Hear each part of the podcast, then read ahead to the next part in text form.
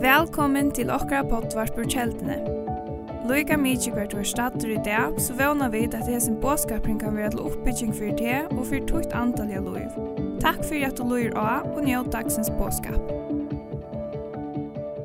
Notice when you sing about Jesus, how happy you become. Jag hade lagt mest till att han var synger om Jesus och så gläver man blöjor. There's one name that makes us happy. Till ett namn er som ger och en glädje. If when you mention that name, Tar du nämnet till namnet you get saved.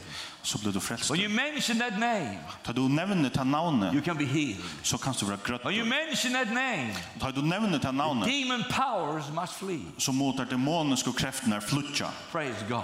Prisa I said gode. praise God Jag for säger evermore. prisa gode till alla er. Wow. Tabaha silitende rokoya. As I said yesterday, Som jag säger Jar. this is the first time in one year I preach to people, you know. Så er det är först för ett halvt år att jag I pratar really för feel folk. like a calf coming out from the winter Så jag följer mig som en kolvor som släpper ut av böjen först för om sommar. See, if I act a little bit strange, please forgive me. Så hvis jeg oppfører meg som det løye, så må de if I fyrtja get a om little too wild, please forgive me. Hvis jeg blir ui så vittler, så må de Because fyrtja I om will do meg. the same tomorrow. Så jeg gjør det samme i morgen. I'm so excited about Jesus. I'm so happy to be here. Jeg er så spent på Jesus, og så glad for å være I, her. I, I have such a great thankfulness for the people of Ferry Islands. Jeg har så størst takksomme til folk i fargen. I have been here for 12, 13 years now, Jeg har kommet her i en 12-13 år etter håndene. so I feel home here. Så jeg føler meg hjemme her. I, I feel like this is my people. You know? Jeg føler det som om jeg heter mitt folk. So we are so happy to be here Så vi er så glad for å være and her. see all your faces Og suttja alt det kan and, anlitt. and to know that we are together celebrating Og jeg vet at vi er sammen, og vi The feirer greatest happening the earth ever happened. de største hendingene som nekker de fann fram av hjørnet. Day when Jesus died on the cross. Dagen tar er Jesus døye av krossen. Think about that. Hugs om det. There was a day when King of Kings and the Lord of Lords Det var en dag hvor det er kongan og konger og herran og herre became sin, blei til synd, took my place, tåg mitt plass, took your place, tåg tutt plass and became dirt, sin, sick, and poor. og blei skiten og synd og fatakor And he took it on the cross. og han tåg det opp av And he krossen hang there for me and for og you. han hekk her for meg og for te And when he did that, og da han gjør det he til delivered us så, så sette han noen from the fralse power of Satan. han sette han noen fralse fra valde djevelsens Hallelujah. halleluja And everything the devil can do to you, he set us free from that. og alt det som djevelen kan gjøre der hever han sett noen fralse fra tandein Hallelujah. That's what we're going to talk about tonight. og det er det som vi får ta The som text is utkvalt given, we don't have to choose text tonight. teksten han, han er opplagt og vi pjør ikke å velge kvalt We will talk about the cross. Vi får ta som krossen. And, and, uh, but before I do that, Men Arne gjør det her. I, I just want to send greetings from my wife. Så vil bare gjøre en halse fra konen minne. Uh, w- I, she is uh, my wife, Hon er, eh, hon er konen som er. and uh, we have been married now for 2,000 years. Vi har vært gift nå i en 2000 år etter håndene. Long time. Til nok lunch. She's a grandmother now, you know. Hon er, hon er en omma østen nå østen. She was 16 when I met her, now she's a grandmother. Hon var 16 da jeg møtte henne. Nå er hun en omma. We, we have five children, Vi har fem bøtten. and I have one wife. Og jeg har en kone. And I have 12 grandchildren. Og jeg har 12 appabøtten. They're just jumping on us all the time. Som bare hoppar rundt og åkner til tøyne. It's like a flood. Jeg trekker som en flow alt det. You can't stop it. Man får stekka det. Grandchild after grandchild. Battna, battna, er etter battna, But battna. how wonderful it is Men hvordan fantastisk det er ikke to be a grandfather. å være en appe. And I also was chose the other day. I, I, I was chosen Ja, jeg var valgtor og en, og en dag her fire. by my church Jeg og min er samkommet in Uppsala og i Uppsala. to be the grandfather of the church. til å være oppe i kyrkjenar, for alle kyrkjenar. That has never happened before. Till ångan, det- Anybody get that Det title. er ångan det hent for at nekkar finnes jo tanntitlen. Because now my, I, I don't work eh, as an employee anymore in World Life. Jeg jeg er arbeid, altså jeg er ikke sektor i starv her langer, So everything I do is do voluntarily, så alt som jeg gjør er til frivilliga, and, and we love it so much. og vi elskar det sånn ek. And I choose to work with the young people now. Og, og jeg har valgt arbeid over unge mennesker, And I choose to work with our children. og, og ab- arbeid over So I bøttene. am on every camp. Så jeg er til alle levenar, I'm not preaching all the time. jeg præter ikke, ikke alt og I, I, I clean the dishes, Men hver så varst jeg opp, and then I hug the girls and og boys. så, og så klemmer jeg jentnar og drønsnar. and, and my wife is in the kitchen making the food. Og, og kona min, hon er i køkken og gjør mat. So we, we serve, we would like to serve like that. Så åkken damer vil ha tjene at han And I har. speak in the Sunday school. Og jeg tar seg I speak, i of sundagsskolen nå. course, in the church also. Och- I, I pla- preached last Sunday, Og eh, jeg tar seg i østens er samkomne. Jeg tar seg i søster sundag. but I was in Tursam when I was preaching. Men, men jeg var i Torsan tar i prætkar. So I, I, I, um, uh, I, I I love to do that. Og det er tid nekka som jeg elsker å gjøre. It's so beautiful to, to serve the young people now. Det er så fantastisk å kunne tjene de unge. This is our hope. This is our future. Her er dere vevn, her er dere framtid, disse unge menneskene. So last week I had 14 lessons in the Christian school. Så sørste vi går ta i 14 leksjoner i bibelskolen. Uh, every class I visit and, uh, from the first to sixth grade. Og jeg, jeg var i ødlom flokk nå, fra første til And satte I flokk. spoke to them that we have a future and a hope. Og jeg tar seg ut om at vi tar en framtid og en vevn. I asked one of the children, Jeg spurte etter bøtten I hon. said, I'm a missionary. Jeg sier, jeg er missionær. I have preached to 60 nations. Og Jeg har, ta- jeg har prætket i Trus, London. But I started preaching when I was five years old. Men jeg begynte jeg å prætke da jeg var fem år gammel. But, but I preached to the, not to people, I preached to the books in the bookshelf. Men jeg præ- tar prætke ikke for folkene, jeg prætke for bøkene og bøkhettlene. But nobody repented. Nobody gave their life to Jesus. Men det var ikke som vendte om, det var ikke som gav seg løp til Jesus. But I started five years old screaming to them to get saved. Men jeg började i fem år gammal och skrala efter dem och bjöd och blev frälster. So it started at home in my, I was five. Så det började jag hemma att jag var fem år But gammal. now I've been preaching to over two million people. Men nu har vi pratat för över 2 miljoner människor And, and that's been wonderful och det har varit fantastiskt to do that. för att göra det. And, and, but you know what? Men vad stod I det? asked one of the, chi- I asked the children, what do you think a missionary is? Jag spurgade åt hans botten, vad hade du en missionärer och en trobar i FNK? Do you know what they told me? Vad du vad det satt då? A missionary is a person who don't work so much. En missionärer och en som inte arbetsrannig. I said, thank you. Tack säger jag. What's the name of your mother? Går så att er mamma den She probably told you that. och hon har säkert sagt det, jag vet. That was so funny. So that's what I'm doing. Så till det som jag gör Then I'm helping Sebastian Staxet. så hjälper jag Sebastian Staxet He's a, a rapper som han är en rappare uh, who, who got saved. som blev frälster. And we are trying to win the young generation for God. Och vi röjnar vinna att unga atterliv för er god. We bought a big tent for 4,000 seats. Vi vi köpte störst tält som Roma är 4000 människor And it's been full everywhere. och det var fullt lika mycket kvar kom. And hundreds and hundreds coming to God every night. Och hundrade av oss kom till god kvarskvalt. And these are the broken, the worst people in the world. Hette det brott nu, hette det ringa som människan i hemmen. Drug addict, murderers, killers. Hette rape- morda mordarer, nejtökumän, And they coming to God. narkomaner. You know, och det kom I, till god. I'm so convinced Er er så samförder that God doesn't start with the top. att god han börjar inte vid toppen någon. He starts with the bottom. Han börjar vid botten. He cook it from the bottom, like you cook your me- meal home. It starts in the bottom and go Ja, up. han, man börjar från han säger han börjar från grunden. Jag verkar som det man gemärt har. I Man believe it's börjar going to från happen in grunden. Faroe Islands too. Och jag tycker att det har hänt i förrige nästan. Amen. Amen. God's going to work with people. God han får arbeta med människan Oh, it's been beautiful. till att vara så And vackert. then we saw all these people getting saved, so we need to take care of them now. Og, og vi sa öllus folk til frelst, så vi måtte taka okna av dem. Now we want to build 10 homes Så nu får det bytja tutjo heim for, for young people who has come to Jesus, for ung mennesker som har kommet til who Jesus, needs help and rehabilitation. som, som har bruk for, for hjelp og rehabilitering. Uh, it's so beautiful. Til så vakkert. I, I, am so excited about that. Og jeg er så spent på I've det. been out. I, I, now when I was corona, I was nowhere where to preach. Nu tar jeg korona over så vi har ångestens haft All att churches in Sweden prætika. are closed. We couldn't travel. Allar, allar samkommer har vært lukka her, So I vi put har ikke on kunnet my pa- ferast. painting clothes. Så, så jeg lagt meg i munnen malare klær, So I've been painting these houses, så jeg har vært mala i husene. and and I was so it was more paint on my clothes than on the wall. Det var mer maling av mer enn det var vetsjonen. But I want to give them a sign that even a preacher can paint. Men jeg vil gjerne vise dem, det er kjallt prætikumenn kunne mala. And every day, young people are coming, knocking on the door, saying, "When you're open, when you're open." Og kvann det så kom ung mennesker til benka ditt når og sier, nær, nær lette ditt opp, nær lette ditt opp. And last week we had our first girl came to us. Og, og i sørste vik kom den første gentan til We're going oss. to have 12 girls in that first house. Vi får hava 12 genter i den første Then we're going to husen. have nine more later on. Og så få nudja og treat søttene. Hallelujah. So it's so beautiful to serve God. Så det er så fantastisk at That tæna is so gode. beautiful to serve Jeg God. sier at det er så underfullt And at to tæna see what gode. God is doing on the young Og people. suttja hva god gjør med de unge menneskene. And we have a great future for the young Og people. vi får denne store framtid for And unge even in Faroe menneskene. Islands, there's a future for the young people. Og øyne i fargen er det framtid for de And unge we who menneskene. are a little older, Og vi som er sånn eldre, we shall stand and cheer them on. vi får standa og heppa deg. Og And fagna dem. say, go, go, go, go. Og sier, kom så. If they go too slow, Hvis de gjengar for spekle, I kick them in the back. så sparst jeg det i rumpene. No stopping here. Og ikke vi stekker her. Praise God. I say, praise God.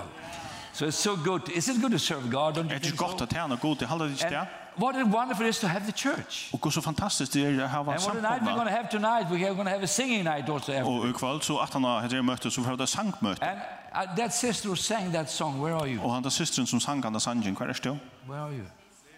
Lisa? L- There you are. Thank you for singing that song. That's my song. Takk for at det er min sanger. I've been playing that nearly every day for one year now. Jeg har spalt at det nesten kvønte et halvt år. We're going to make it. Vi får klare det. I said, we're going to make it. Vi får etnast. Even if the world has the toughest time on the earth, Sjalt om høymeren No, for lifetime. djøgnen øyla trupla tog, det truplas til okkara luftøy. I know we're going to make it. Så Jeg vet at jeg skal We'll sikra. make a stand. Vi skulle My standa. wife and I, we sing that song. I played so loud the neighbors complained. Jeg og kona må vi synge at her. Jeg spiller han så harst av nabikvann til å brokka seg. But I don't care. Men legend skjuta. I'm praising the Lord. Det er prus i herran. I said, praise God. Jeg sier prus i herran. Amen. Amen. I said, amen. Are you ready for the word tonight? Er du klar til året i kvöld? I have to hurry up. Jesus coming soon on time. Jeg må, jeg må skunda at Marta Jesus kommer etter og tog noen gonger. Hallelujah. Glory to God. Romans 8, Romer er brevet 8, verse 31. vers 1 og 3-2. What when shall we say to these things? Hva skal du nå sia om hetta? If God is for us, Er god vi okkon? who can be against us? Kvør kan ta vera imot i We okkon? could go home now and say that was a good sermon. Vi kan gå fra heim nu og si at det var en gav prætka. Who he didn't spare his own son, Han som spart ikke sin egna son, but delivered him up for us all. men gav han for okkon öll. How shall he not with him also freely give us all things? Hvordan skal han kunne anna enn djeva okkon alt vi Hallelujah. Who shall bring a charge against God's elect? Kvør skal bæra klævo imot It's hinn God utvalgte who gods. justifies. God er han og rettvis djer. Who he has condemned is Christ who died and furthermore also risen. Kvør er han er fordømer. Kristus er han som deir er. Who Ja, is det er now møyre even the er, right hand of Som er God. risen opp og som er vi høyre hånd Who gods. also make intercession for us. Og som øysene bier for okkon. Who shall separate us from the love of Christ? Kvør skal skilja okkon fra kærlega Kristus Tribulation. er. Trångt, Distress, engest, corona, korona, persecution, ætsøkn, famine, hungur, nakedness, nækjenløgje, peril og vante sorg. eller svør. It say, for your sake we are killed all day long. Som skriver, for tøyna skuld vi er We driven are allan counted dag. as sheep go to the Vi er slaughter. rokna som skursheier. But in all these things, Nei, i öllun hesson, I said, in all these things, nei, i öllun hesson, we are more than conquerors. Møyr enn sikra vid. Hallelujah. Halleluja. I said, Hallelujah, glory to God. What is God doing on the Friday, on the Good Friday? Hva gjer god lenga frugja det? He's putting his son on the cross. Han håndgjør sin egna son av And the krossen, cross becomes og krossen han a bløyvor, place of change. og et steg her brøyting er. That place, Hetta that steget, cross, hesen krossen, becomes a place where he hands bløyra steg her, han håndgjør, and he takes og han teker my dirty clothes mine skytten og klæger, on him. og se, He becomes sin. han bløyvor He sin, becomes the worst of the worst han bløy den ringaste av dem that not ringaste, even even want to look, la- look on. som vi ikke engang ville hitje etter. He's beaten Han er boka, by 39 beats nutj og tredje og ferslien, with glass vi glæsplintron, and metal. og His metallsplint. back is like a big wound. Alle rykkeren er et størst sår. They put the nails through his hand. Tar nekla seimann i tjøkken And hånden. he's hanging there without complaining, without saying, "You- this is wrong. Og han honker her utan at jeg brokka seg, utan at He sier at hette takes skarst. the guilt. Han teker skuldena. He takes my sins.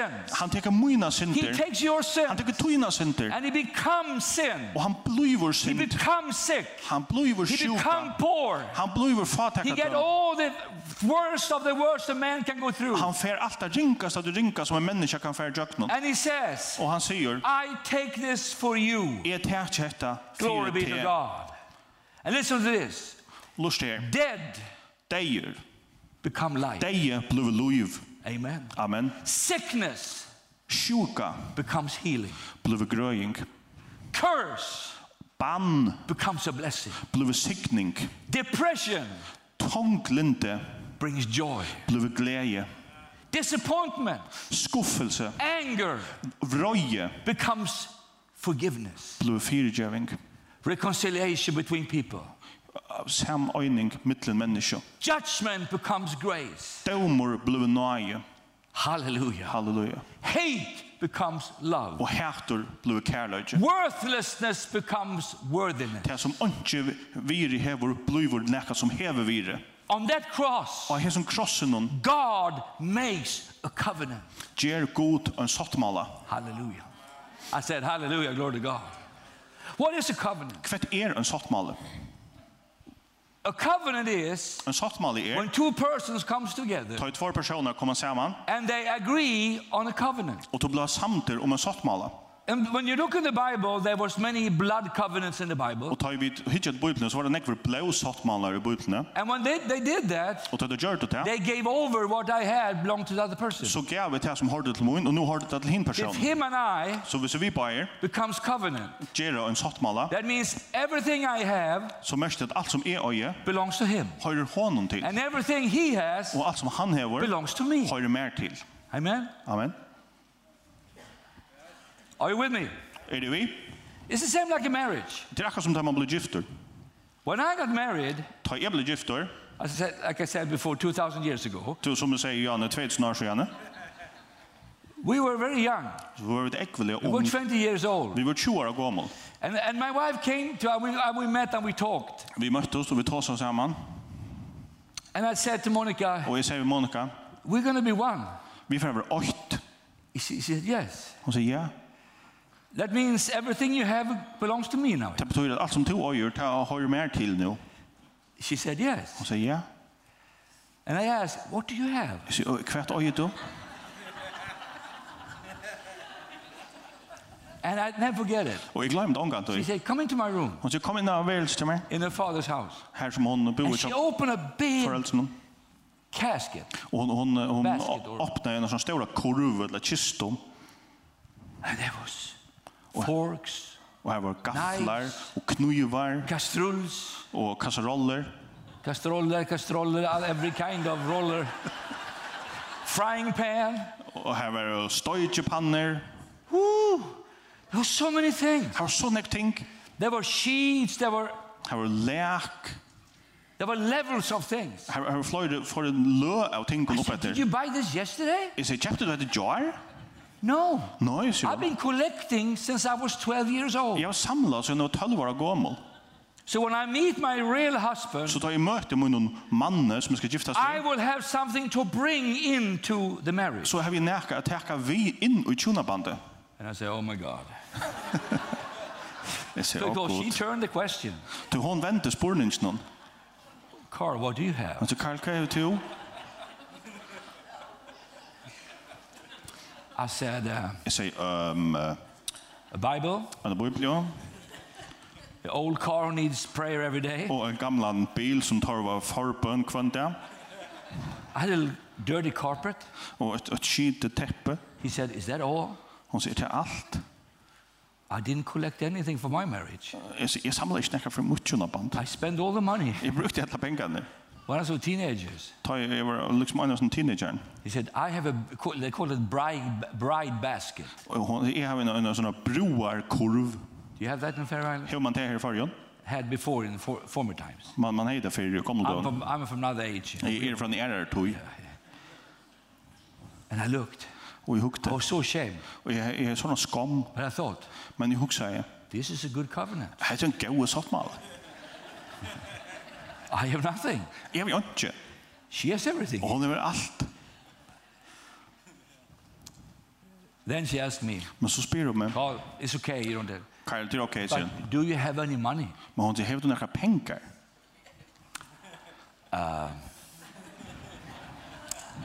Well, depends how you look upon it. Det er kjibran på hva som sørste på det. In my bank book, it says minus three. Og i bankabøysen kommer stendet minus 3. That was the time you had bank books. Det var fyrir døgnet at man er bankabøker. Remember that time we have a bank book? Minnes til det, man er bankabøker. Everything was taken out. Alt var tidlig ut. Okay. I'm evangelist. I have very little salary. Jeg er, jeg er en evangelistur. Jeg, jeg får jo øyla luttla løn The church thinks, til samkomman. Hon they say to heldur. God, God, if you keep Carl Gustav poor, uh, Og- og god, Det if, er if, ikke god hvis you du... ke- keep Carl Gustav humble, Og det er samkomman. Hon sier god, god hvis du heldur Carl Gustav Eimjukan, we will keep him poor. så skulle vi halda han fatakkan.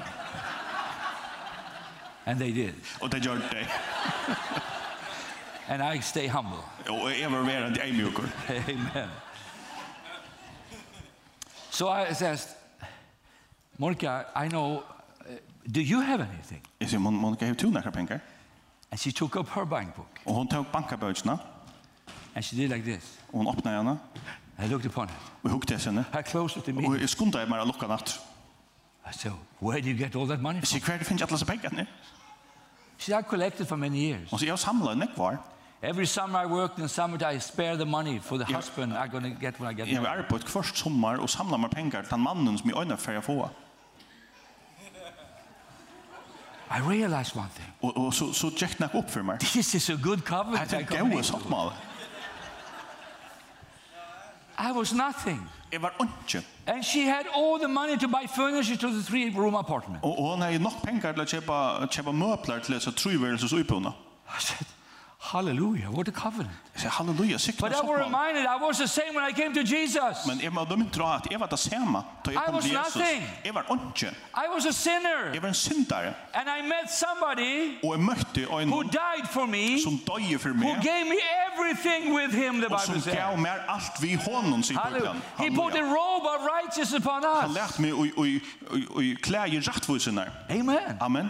You see, we have a covenant with Sars God. du vid hemmen, sottmala, vi We are, god, and it's a blood covenant. til en blå It's the sottmala. power of the blood. When we say the power of the blood, Ta kraften i blå, That ta means vise kraften i Jesus blå. paid that covenant he made with Jesus, really, with his blood. Så betyr det at Jesus betalte den sottmalan som god velgan gjør ved Jesus, vi så innom blå. Amen. Amen. God and Jesus made a covenant on that cross. God og Jesus gjør den sottmala av hans The krossen. only thing we can do Og det øyne som vi kunne is to say, gjøre, er Yes, I accept at that. sier, ja, jeg tæt i And møte. everything God has Og alt som god hever, becomes mine. bløver mukt. Who I preaching myself happy. Jeg prater ikke med sjålvan I don't gleden. do that every day. Det but I gjør jeg do ikke kvante. that. So, in this covenant, Så ui hesson God sottmalan, is offering us så, så bjaua god okkon everything. alt. You know, and, and, and they, they change clothes like the, in, in, the, in the Bible. tar tar bytt om klæder akkurat med bøplene. So if he and I Så hvis han og jeg It's going to change. Let's do change clothes here. pr- skifter om jakke, It's going to be a challenge for you, brother. Oh, hallelujah. This is a good covenant for me again.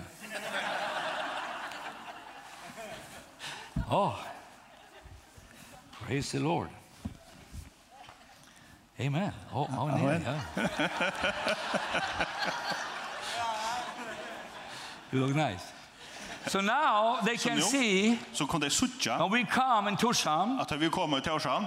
if they were in the Bible time, they were c- bro- brothers. Ja, vi ser at det var i bibelskon tøyna. They were covenant brothers. Vi er jo- er They jo sattmala have made brøver. a, they have made a covenant with Vi each er jo other. just en sattmala vi kan annan. And that means Og det merker everything that he has belongs to me. at alt som han hever, det har det mer til. Oh, there are many things here.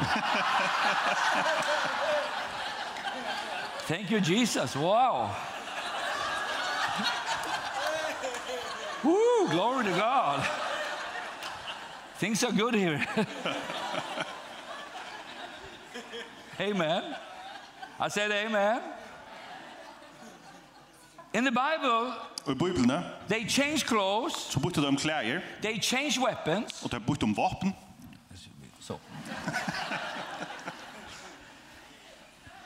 they, they, they, with other words, if you are weak Og i ørne åren, hvis du var and you made a voikor, covenant with a stronger one, og du gjør en sattmala ved en sterskan, his strength became your så strength. ble hans styrke tøyn styrke. Amen. Amen. On the cross, Og krossen, Jesus, Jesus gives us djever the okkon strength of God. Guds styrke. We may be in the outward looks like sheeps Det kan godt være vi då vi sitter ut som säger going utvendigt to the slaughter place, som färra like av era we did slaktare. right here. Sheeps is not a strong thing. Till att att säger är inte inte And Farah, you know stäsch. that. Ta vita till det. The sheep goes like this. Och säger han fär bara så lös när. Bah. Kill me here. Träff mig här. Here. Här Horses fighting, hästar tar strujast. but a sheep doesn't fight. Men han säger han strujast inte. And God says, Och Gud säger we are like sheep. vid er och ens och We're säger going to the death every day. som våra slaktare kvann där.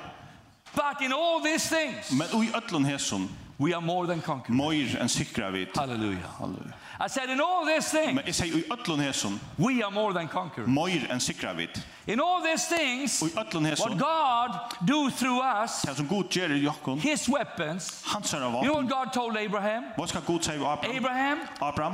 I am your shield. Jeg er tøyn sjøldur. I stand between you and your Jeg enemies. stand i mittlen te og tøyna futsindar. Amen. Amen.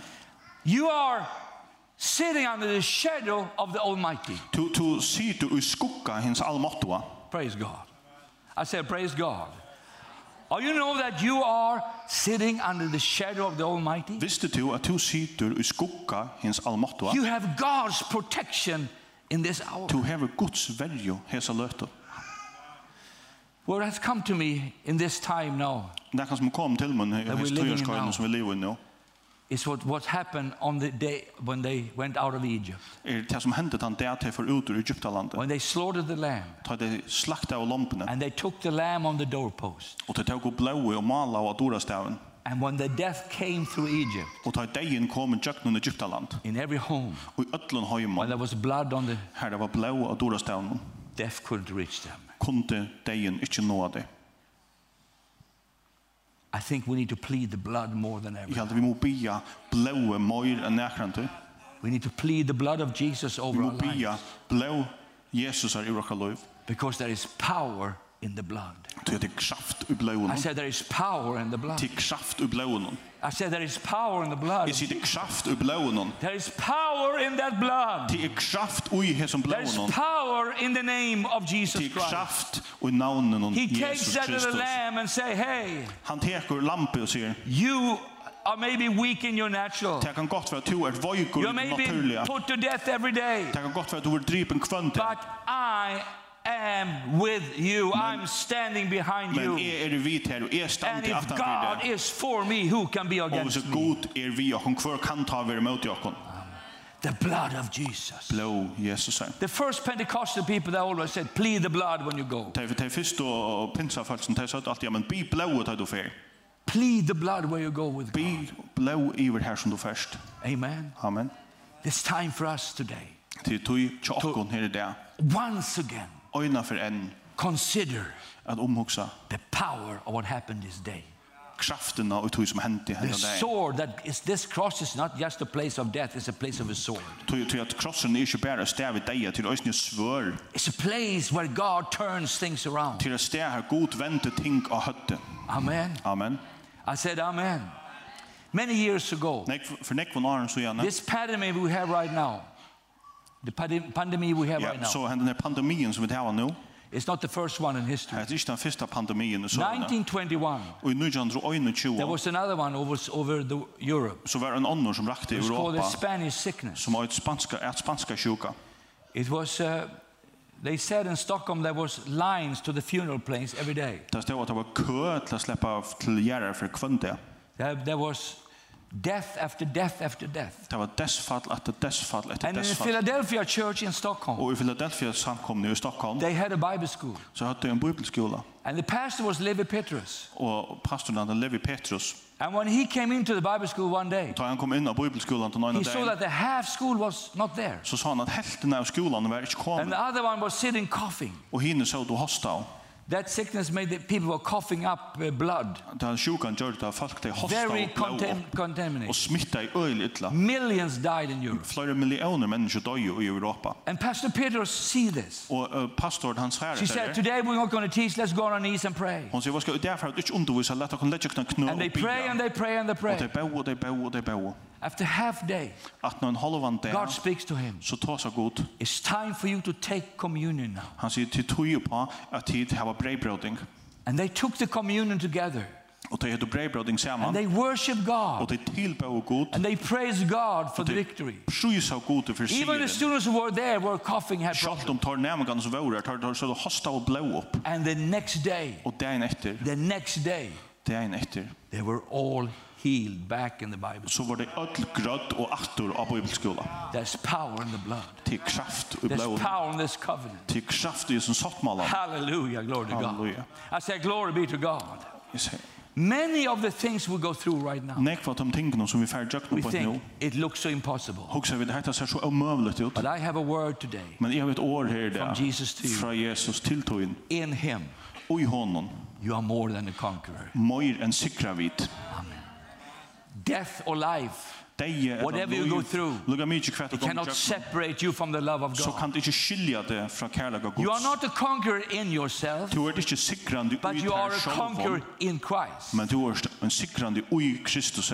And I said it in Faroe Islands many times. Og jeg har sagt det her i fargen, nekva The for Bible fyrir. never said that I am a conqueror. Bibelen sier omgående at jeg er en sigur The herre Bible og says sikrande. we are a conqueror. Bibelen sier vid er sikrande. Amen. Amen. There's a we in Christianity. Her er today. et, et vid i kristendommen. And the last year, I have really felt that. Og sørste året har vi ordentlig How mest many her. believers are lonely in the world today? Hvordan nekver, nek tryggvann er ønsomme til ønslig i You are the heimen. lucky ones on the earth Tid er det hepp nå her i that heimen. can meet like this. Som kunne møtes og hende hatt. But in the most ch- uh, church in the whole world, Men i de fleste samkomne rundt kring heimen, people cannot meet. så kunne folk ikke They komme have no sammen. believers beside their side.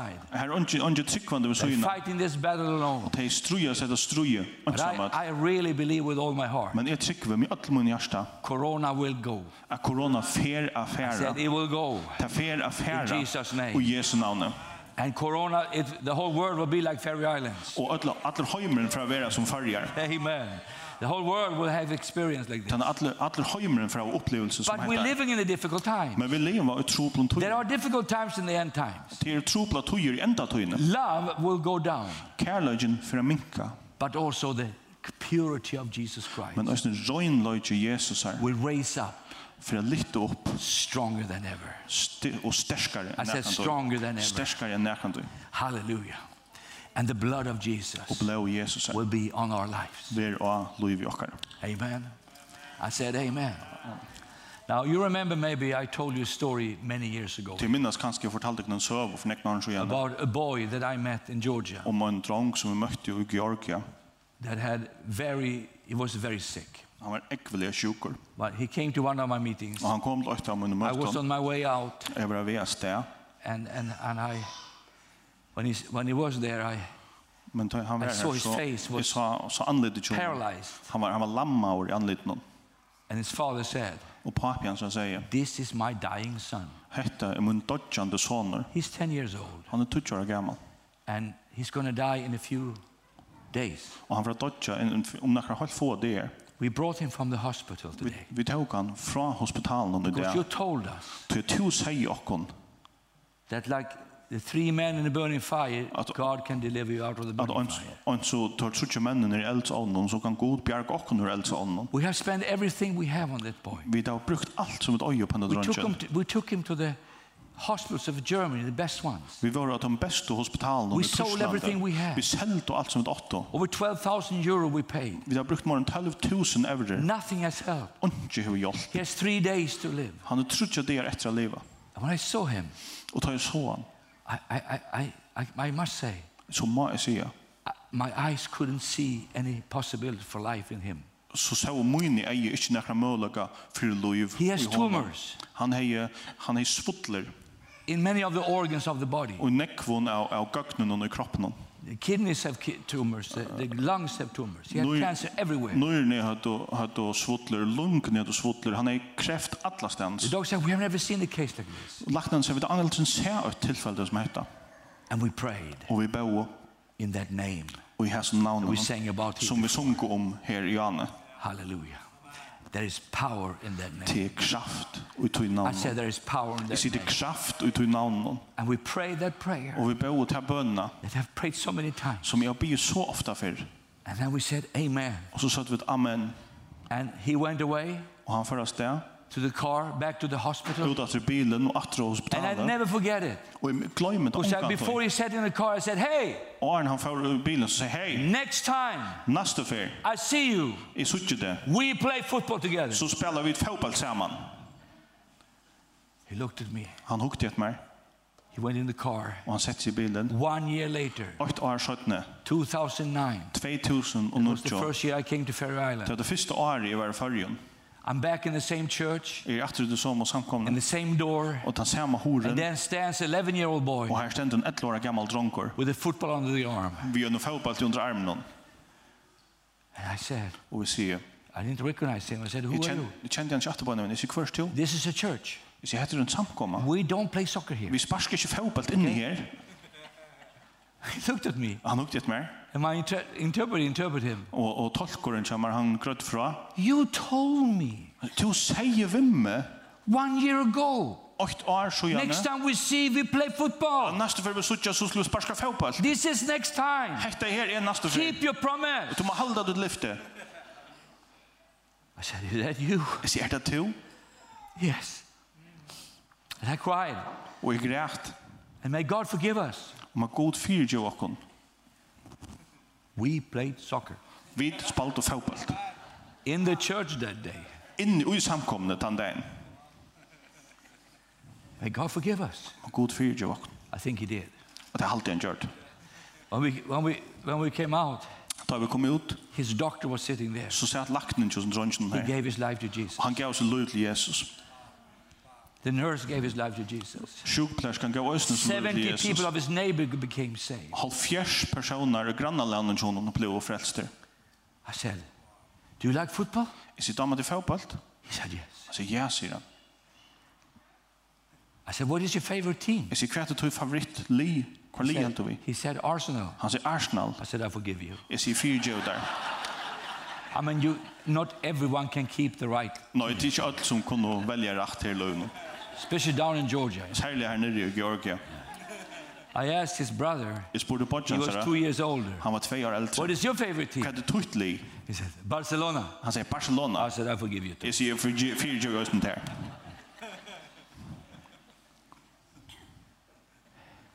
But I promise you one thing. Men jeg lover der åkt. I will give you shirts of Arsenal and Barcelona. Jeg skal kjøpe der en Arsenal-blås, og jeg skal kjøpe Next time der I en come, I will have a Barcelona-blås. full thing with you. Neste før jeg kommer, så skal jeg ha det vi. He said, You promise? Han sier, lover du da? I said, Yes. Jeg sier, ja. And then I realized, Oh my God, what have I promised? Jeg husker, å nei, hva har vi nå lova? So, but then I remember, Men så myntes det. I will go to China next week. Jeg ferdig til Kina neste vik. I came to China. Jeg kom til Kina, I said to Pastor, og jeg sier jo pastoren This is her. miracle happened. At det er I ondklig need Ah. hente. Arsenal clothes with number 10 Ja, jeg bruker Arsenal-klavon, vi hadde sin nummer 20 av. and the names of this boy on. Og navnet just en dronj nå nå. He said, Give me 30 minutes. Han sier, Gjemmer hovan tøyma. I said, Are you kidding? Jeg sier, åra. He said, In China, Han sier, Kina, copyright means right to copy. så betyr jo copyright, ratteren er kopiera. We fixed it. Vi fiksa det. And they came with the clothes. Og tør kom, og vi I came klæder. down to Georgia. Og jeg kom aftur When I til came down to Georgia. Georgia, the boy stood with his football still on his arm. Og da jeg kom, så stod som dronken klar He cried, I'm cried. Han grät og jeg grät. And I, s- I said, Wow, this is fantastic. Jeg sier, wow, dette er fantastiskt. Yes, father said, He has, he, he has, here's the new x rays, Her, her er det nødt til rønkemyndene, sier han. and here's the old ones. Og her er det gamle rønkemyndene. I saw the tumors. Jeg sa svudlene. Every tumor is gone. Alle svudlene er The vekk. boy is healed. Han er grøttur. It's a miracle after miracle. Til et under. Nobody can doubt it. Ongen kan iva stå. Glory to God. Why do I say that? Og hvor sier jeg det? Because a few days ago, Tog for nøkken dagen så igjen. a few days ago, For nøkken dagen så igjen. I received an email Så fikk jeg en teltpost. with an invitation Vi er innbjøring to do his wedding. til at gifta henne den unga dronjen. The boy, I couldn't come. Jeg kunne tyvärr ikke fære. Corona destroyed that. Tog jeg korona og leie til. But the boy was married. Men dronken, han ble gifter. I, I keep the picture when he and his bride stood there. Jeg har myndene av honom og broren i He's honom. 23 years Han old. er 23 år der, He's soon going to be a father. og han forsøkte over en pape. Praise God. Prøys er god. So fantastic. Så A fantastisk. miracle. ett under. I said a miracle. Jag säger ett Why do I under. say that? Hur säger det? Because that is the fruit of the cross. Till det är frukten That's av the fruit krossen. of the cross of Jesus. Det är frukten av That's krossen because we Jesus. shall never, never, never stop believing Och du skulle vara omkant till omkant till that omkant Christ till stäcka. on the cross Vi har tryckt vad Kristus av redeemed krossen. us. Leis käppt i okkon from the curse of the law. fra banne lovarna. Amen. He redeemed us Han leis käppt i from okkon that curse that's been on mankind. fra du banne som er kvult av I don't mannaten. care what people say. Eller ikke uika folk sia. Corona was on that cross. Corona døy av hans krossen. Cancer was on that cross. Kreft vær av tu krossen. Hallelujah. Skin disease. Og Lung diseases was on that cross. lungasjuker vore og hans om krossen. He hang there Han hekker for her the whole humanity. fyrir alla manna atna. He made a covenant with Og us. han gjør en sottmal av okkon. And he said, My cross Og han sier, min krossor is still here. er enn her. Hallelujah. Halleluja. I said, Hallelujah. I said, Hallelujah. I said it yesterday. I said it again. Jeg sier det jar og sier det atter. When I was in Tursam last week, Ta jeg var tausan og In the sørste viko, quarantine. og- Og i I stood and I Sattaralta. looked out of Tursam I- and I heard a song about the cross. Så stod jeg og hukte ut i bojen og jeg hørte en sang om krossen. And God met me so strong. Og Gud han møtte meg så And I sterkt. saw how God put a cross Og jeg sa hvordan Gud sette en kross. in my hand like a sword. Og i hånden kommer som en svør. And the cross Og shall krosseren defeat the skal enemy. sikra av fudgjendana. Hallelujah. I saw the cross of a Tursam. Jeg sa krossen i tausan. God's going to touch Tursam. I feel it in my Gud for en spirit. nema vi tausan. There's gonna be Jeg følte om en revival in anda. Derfor var Tórshavn. vekking i tausan. There's going to be revival in that city. Derfor var vekking i til Of course, bojen. all over the. To, I, I tell you, God's going to touch Tursam. Men men jeg sier det, Gud fer at nesta vi. I don't know how, but it will do it. Jeg vet ikke gusse, men han fer at In gjøre det. Jesus' name. Og i Jesu navn. So my message is very clear. Så min påskap er øyla He grønjord. took everything. Han tåg at He became like us, han bløv som vit, so we can become like så him. vit kunne bliva som han. Amen. Amen. He took our dirt, Han tåg okkara the skitt. dirtiest of the dirtiest we ever done. Det skittnast av det skittna vil nekran det var gjørst. He carried on him, Og han bærer det av seg, so that we don't carry it anymore. så vi slipper fra å bære det Like the langt. goats in the in the desert, they put the- the debt on the goats and the Akkurat goats som went in the desert. syndabukken som får ut i øyemørsene, man leier skulden og av syndabukken. Tonight is a healing night. Og i kvöld er det grøvande kvöld. I said-